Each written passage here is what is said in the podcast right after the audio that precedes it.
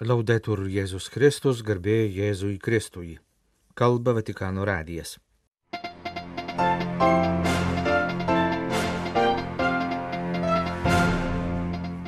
Popiežiaus audiencijos italų katalikų žurnalistams ir bendruomeniai globojančiai piligrimus.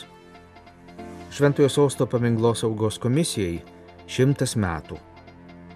Ukraina mini Holodomoro 90-asias metinės Popiežiaus valstybės sekretorius šią progą aukojo mišęs Romoje. Lietuvos vyskupų konferencijos nariai buvo susirinkę į plenarinį posėdį. Ketvirtadienį, lapkričio 23 dieną, popiežius Pranciškus priėmė prieš 30 mečius centrinėje Italijoje įkurtos piligrimus globojančios Romenos bendruomenės narius. Italijos Toskanos regione, Romėnos vietovėje, prie į Romą vedančio seno piligrimų kelio, stovėjusioje apleistoje romaninėje Šventojo Petro bažnyčioje, prieš 30 mečius įsikūrė bendruomenė, kuri suteikia prieglaudą piligrimams, priima ramybės ir maldos dvasios ieškančius žmonės. Vėliau prie Romenos bažnyčios įsikūrė vadinamoji Naino grupė, padedanti vaikų netekusiems tėvams. La comunità che avete sognato e che lo Spirito Santo vi ha aiutato a realizzare si presenta come un luogo di incontro e di fraternità. Bendruomenė, kurią šventoji dvasia padėjo jums sukurti, yra susitikimo ir brolybės vieta, kurioje pavargę ir prislėgti žmonės gali atsigauti, nuostabios gamtos apsuptyje ir tyloje mąstyti apie Dievo paieškas ir rasti pas jį vedantį kelią sakė Pranciškus ketvirtadienį priimdamas šios bendruomenės narius. Pasak popiežiaus ypač Naino grupė, padedanti vaikų netekusiems tėvams yra labai svarbi ir brangi šios bendruomenės vykdoma tarnystė. Vaiko netekties drama tai didžiulis nenumaldomas skausmas, kurio neįmanoma sumažinti žodžiais ir paviršutiniškais atsakymais. Reikia mokėti verkti kartu ir skausmo šauksmą nunešti Jėzui, kuris mažame Naino miestelėje atjautė sunaus netekusią našlę motiną. Atvirumas ir svetingumas, su kuriais priimami žmonės aplankantys Romenos bendruomenę, ugdo brolystę. Popiežius sakė, kad ypač šiandienos pasauliui, kuriame daug smurto ir konfliktų, labai reikia brolystės ir socialinės draugystės. Jis prašė ir toliau broliškai svetingai priimti kiekvieną, kad visi, kas aplanko bendruomenę, jaustųsi Dievo mylimi. Popiežius Pranciškus priėmė keturių Italijoje veikiančių asociacijų vienijančių katalikus žurnalistus, dirbančius spaudos ir internetinės žiniasklaidos srityse narius. Hanno interessato il vostro settore e per questo è necessario rinnovare sempre Pastaruoju metu jūsų sektoriuje vyksta daug naujovių, kurios reikalauja nuolat atsinaujinti. Todėl norėčiau jūs paraginti nepamiršti trijų dalykų, kurie yra svarbus keliaujant dabartinės komunikacijos greitkeliais, sakė Pranciškus ir komentavo tris žiniasklaidos aspektus - ugdymą, pagarbą ir liudėjimą. Visada reikia atsiminti ugdomą į žiniasklaidos pašaukimą. Komunikacija tai ne tik naujiena ir sensacijos, bet ir jausmai, istorijos, žmonės, kuriuos reikia gerbti. Komunikuoti tai formuoti žmogų, komunikuoti tai formuoti visuomenę, sakė popiežius. Kitas svarbus žiniasklaidos darbo aspektas turi būti pagarba. Žodžiai ir vaizdai turi gerbti žmonių, ypač Dievo labiausiai mylimų mažųjų ir vargstančiųjų orumą. Trečiasis popiežiaus paminėtas svarbus katalikų žiniasklaidos dėmuo yra liudėjimas. Ištikimybė Evangelijai reiškia gebėjimą rizikuoti dėl gėrio, eiti prieš srovę, kalbėti apie brolybę individualistinėme pasaulyje, apie taiką pasaulyje, kuriame vyksta karai, apie rūpinimąsi vargstančiaisiais, netolerantiškame ir abejingame pasaulyje. Tačiau tai galima daryti patikimai tik tada, jei pirmiausia gyvenimo liudijama tai, apie ką kalbama, sakė Pranciškus. Lapkričio 22 dieną Šventojo sosto istorinių ir meno paminklo apsaugos nuolatinės komisijos nariai iškilmingame posėdyje paminėjo komisijos šimtasias metinės. Šią progą popiežius Pranciškus laiške komisijos pirmininkui Francesco Buranelli padėkojo už atsakingai vykdomas pareigas saugant kultūrinį paveldą ir palinkėjo, kad komisija ir ateityje profesionaliai rodytų meno grožį, kuris atspindi Dievo ir žmogaus darnę bendrystę.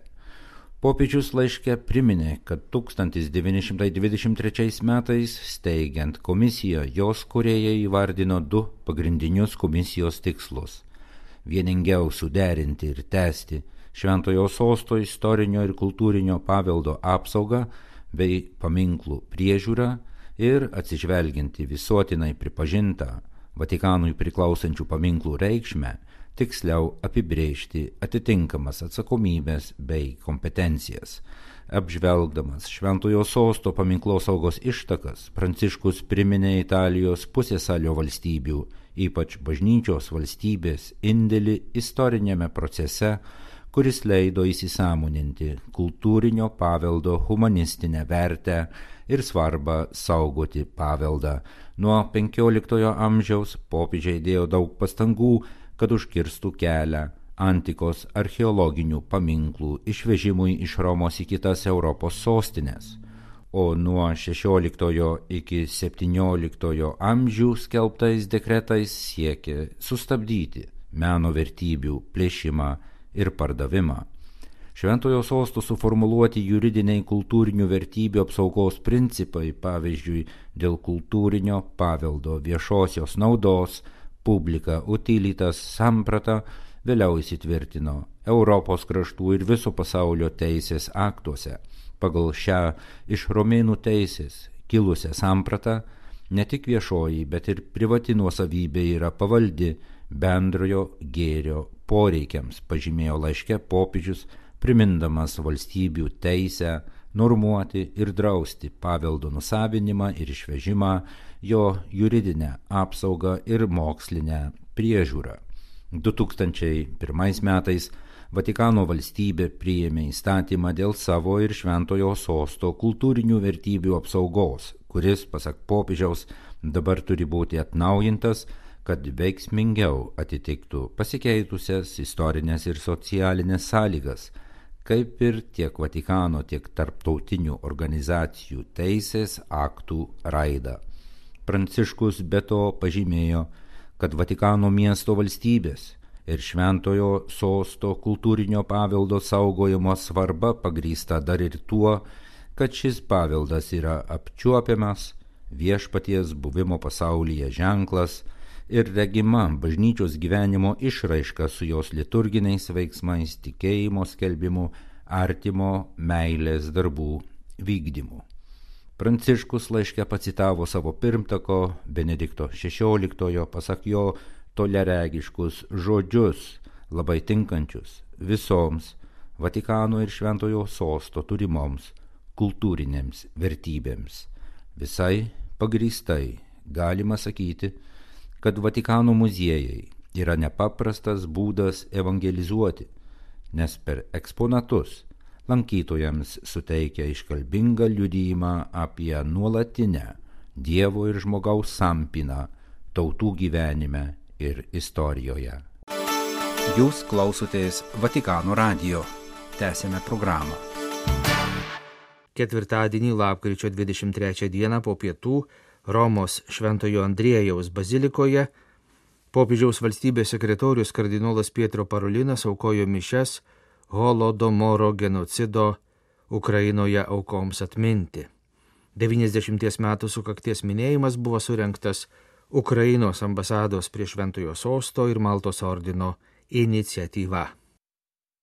Badas yra lėta ir nuožmi mirtis. Daug mėnesių ir metų milijonai nekaltų žmonių mirė šią baisę mirtimi derlingoje Ukrainos žemėje. Badas derlingoje Ukrainos žemėje, dosniausioje mūsų planetos žemėje, galėjo įvykti tik tyčia jį sukeliant. Rašo Ukrainos Lutynų apieigų viskupai 90-ųjų Holodomoro metinių, minimų lapkričio 25-ąją sukakties proga. Prieš 90 metų ukrainiečių tauta visada siekusi laisvės, vėl parodė, jog yra kliūtis pavirgėjų, šį kartą ne carinės, o bolševikinės Rusijos galiai, priduriama krypimėsi.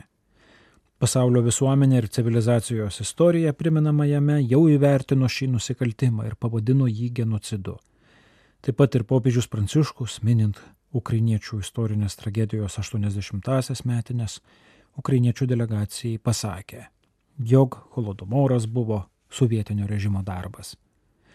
Mąstydami apie milijonus gyvybių, nusinešusių mirties derlius baisumą, mes, kaip bažnyčia ir tauta, tampame stipresni ir geriau suprantame blogio, su kuriuo galime susidurti mastą. Dabartinis karas dėl mūsų tėvynės nepriklausomybės yra ilgametės kovos tesinys. Dabartinė Rusijos valdžia naudoja tas pačias Ukrainos bauginimo ir naikinimo formas, pažymė Ukrainos lūtynų apieigų katalikų viskupai.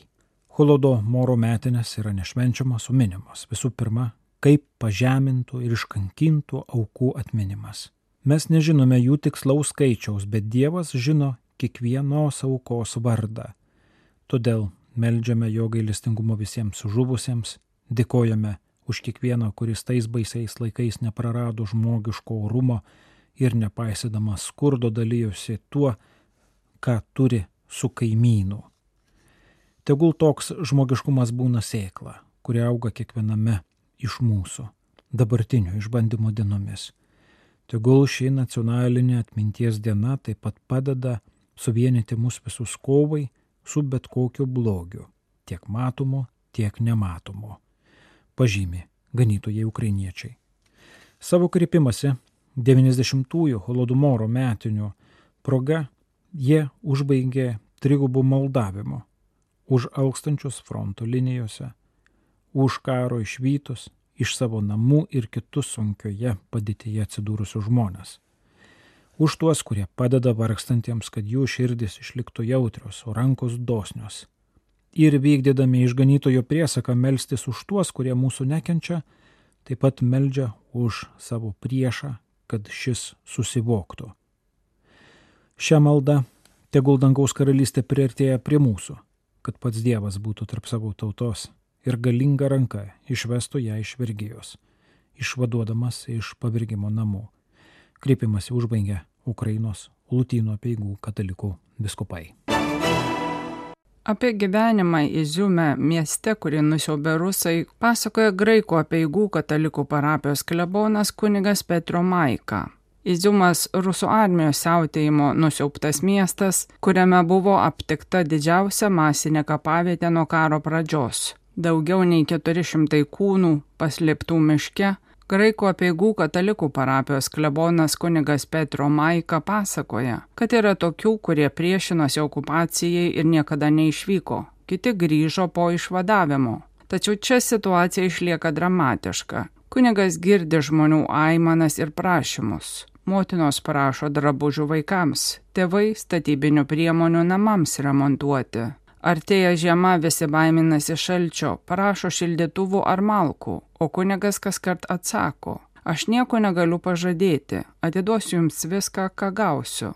Dvasininkas taip pat dalyjasi savo sužeistosios bendruomenės likimu. Ištisus mėnesius jis miegojo stingdančiame šaldyje ant sofos kambaryje su skilėmis sienose, lentomis užkaltais langais sovietinio stiliaus daugiabutyje raketa pataikė į priešais esantį pramonės kompleksą. Smūgio banga pasiekė ir mus, aiškina kunigas Petro, rodydamas į betono plokštę, vis dar pakibusią virš šaligatvio šalia karinės gamyklos, nukentėjusios prieš 600 dienų. Ten, kur matomi sprogimų ženklai, bus pastatyta pirmoji katalikų koplyčia Iziumo mieste. Pirmasis klebonas turėjo būti paskirtas pastačius bažnyčią. Valdžia mums suteikė žemę prieš karą. Norėjome pradėti statybas, tačiau dabar sklypas užminuotas. Kas žino, kada susigražinsime žemę. Bet parapijos klebonas vis tiek atvyko prieš metus, šypsosi kunigas Petro. Pirmasias mišes aukojo nuniokotame bute ant nedidelio staliuko. Dabar bažnyčios patalpas atstoja Ukrainos karitas palapinė, kuri taip pat veikia kaip humanitarinis centras ir oratorija jaunimui. O koplyčia iškils rėmėjo iš Italijos dėka. pasakojo kunigas. Žinome, kad esame miestas, kuris ne tik atlaikęs išbandymus, bet ir dabar esantis pavojuje, tvirtina dvasininkas. Rusijos kariuomenė pradeda nuolatinius puolimus tarp Kupiansko ir Limano. Ir jei rusų kariams pavyktų išsiveršti į priekį, kita stotelė būtų Iziumas, o tada Harkivas. Iziumas ir jo apylinkės ir toliau išlieka raketų taikinys. Tačiau žmonės sukandę dantis laukia ramybės, nes blogis negali tarti paskutinio žodžio, užbaigė kunigas Petru. Į vyskupų konferencijos plenarinį posėdį susirinkę Lietuvos vyskupai išrinko nacionalinį delegatą nepilnamečių ir pažeidžiamų suaugusiųjų apsaugos klausimais, patvirtino Romos Mišiolo naujojo lietuviškojo leidimo tekstą, įsteigė Lietuvos vyskupų konferencijos užsienio lietuvių silovados tarybą. Vyskupas Arūnas Poniškaitis išrinktas Lietuvos vyskupų konferencijos nacionaliniu delegatu nepilnamečių ir pažeidžiamų suaugusiųjų apsaugos klausimais. Jis koordinuos bažnyčios Lietuvoje ir popiežiškosios nepilnamečių apsaugos dikasterijos bendradarbiavimą. Arkivyskupas Kintaras Grušas pristatė bandomąjį projektą, kuris netrukus prasidės Vilniaus arkivyskupijoje. Šis projektas skirtas palengvinti informacijos apie galimus dvasininkų ir bažnyčioje tarnaujančių asmenų nusikaltimus nepilnamečių ir pažeidžiamų suaugusiųjų atžvilgių, pateikimą bei suteikti psichologinę pagalbą nukentėjusiems asmenims. Šis projektas draugė taps išklausimo tarnystė tiems, kurie arkivyskupijoje galėjo nukentėti nuo seksualinio išnaudojimo. Arkivyskupas Gintaras Grošas ir vyskupas Algirdas Jurevičius išsamei papasakojo apie savo darbą ir patirtis vyskupų sinodo pirmosios sesijos metu. Netrukus pasirodys į lietuvių kalbą išversta vyskupų sinodo pirmosios sesijos darbo sintezė. Posėdžio dalyviai aptarė pasirengimą jubiliejiniams 2025 metams. Nors daugiausia šventinių renginių vyks vyskupijose, svarstyta ir nacionalinių renginių galimybė Konkretus šventinių renginių tvarkaraštis bus sudarytas po popiežiaus bulės, skelbiančios 2025 šventuosius metus paskelbimo. Liturgijos komisijos pirmininkas vyskupas Rimantas Norvila pristatė Romos Mišiolo naujojo lietuviško leidimo tekstą, kurį vyskupai patvirtino. Buvo apžvelgta kunigų seminarijų padėtis. Šią vasarą į kunigų seminarijas priimti šeši nauji kandidatai į kunigystę. Pasaulio jaunimo dienose Lisabonoje dalyvavę vyskupai pasidalijo savo įspūdžiais iš šio renginio. Lietuvos vyskupų konferencijos delegatas užsienio lietuvių selovada arkivyskupas Lionginas Virbalas vyskupams papasakojo apie Pietų Amerikos lietuvių selovados padėtį bei apie rugsėjo mėnesį Londone vykusi Europos lietuvių selovados kapelionų susitikimą. Vyskupai įsteigė Lietuvos vyskupų konferencijos užsienio lietuvių silovados taryba, kurios pirmininku išrinktas arkivyskupas Lionginas Virbalas.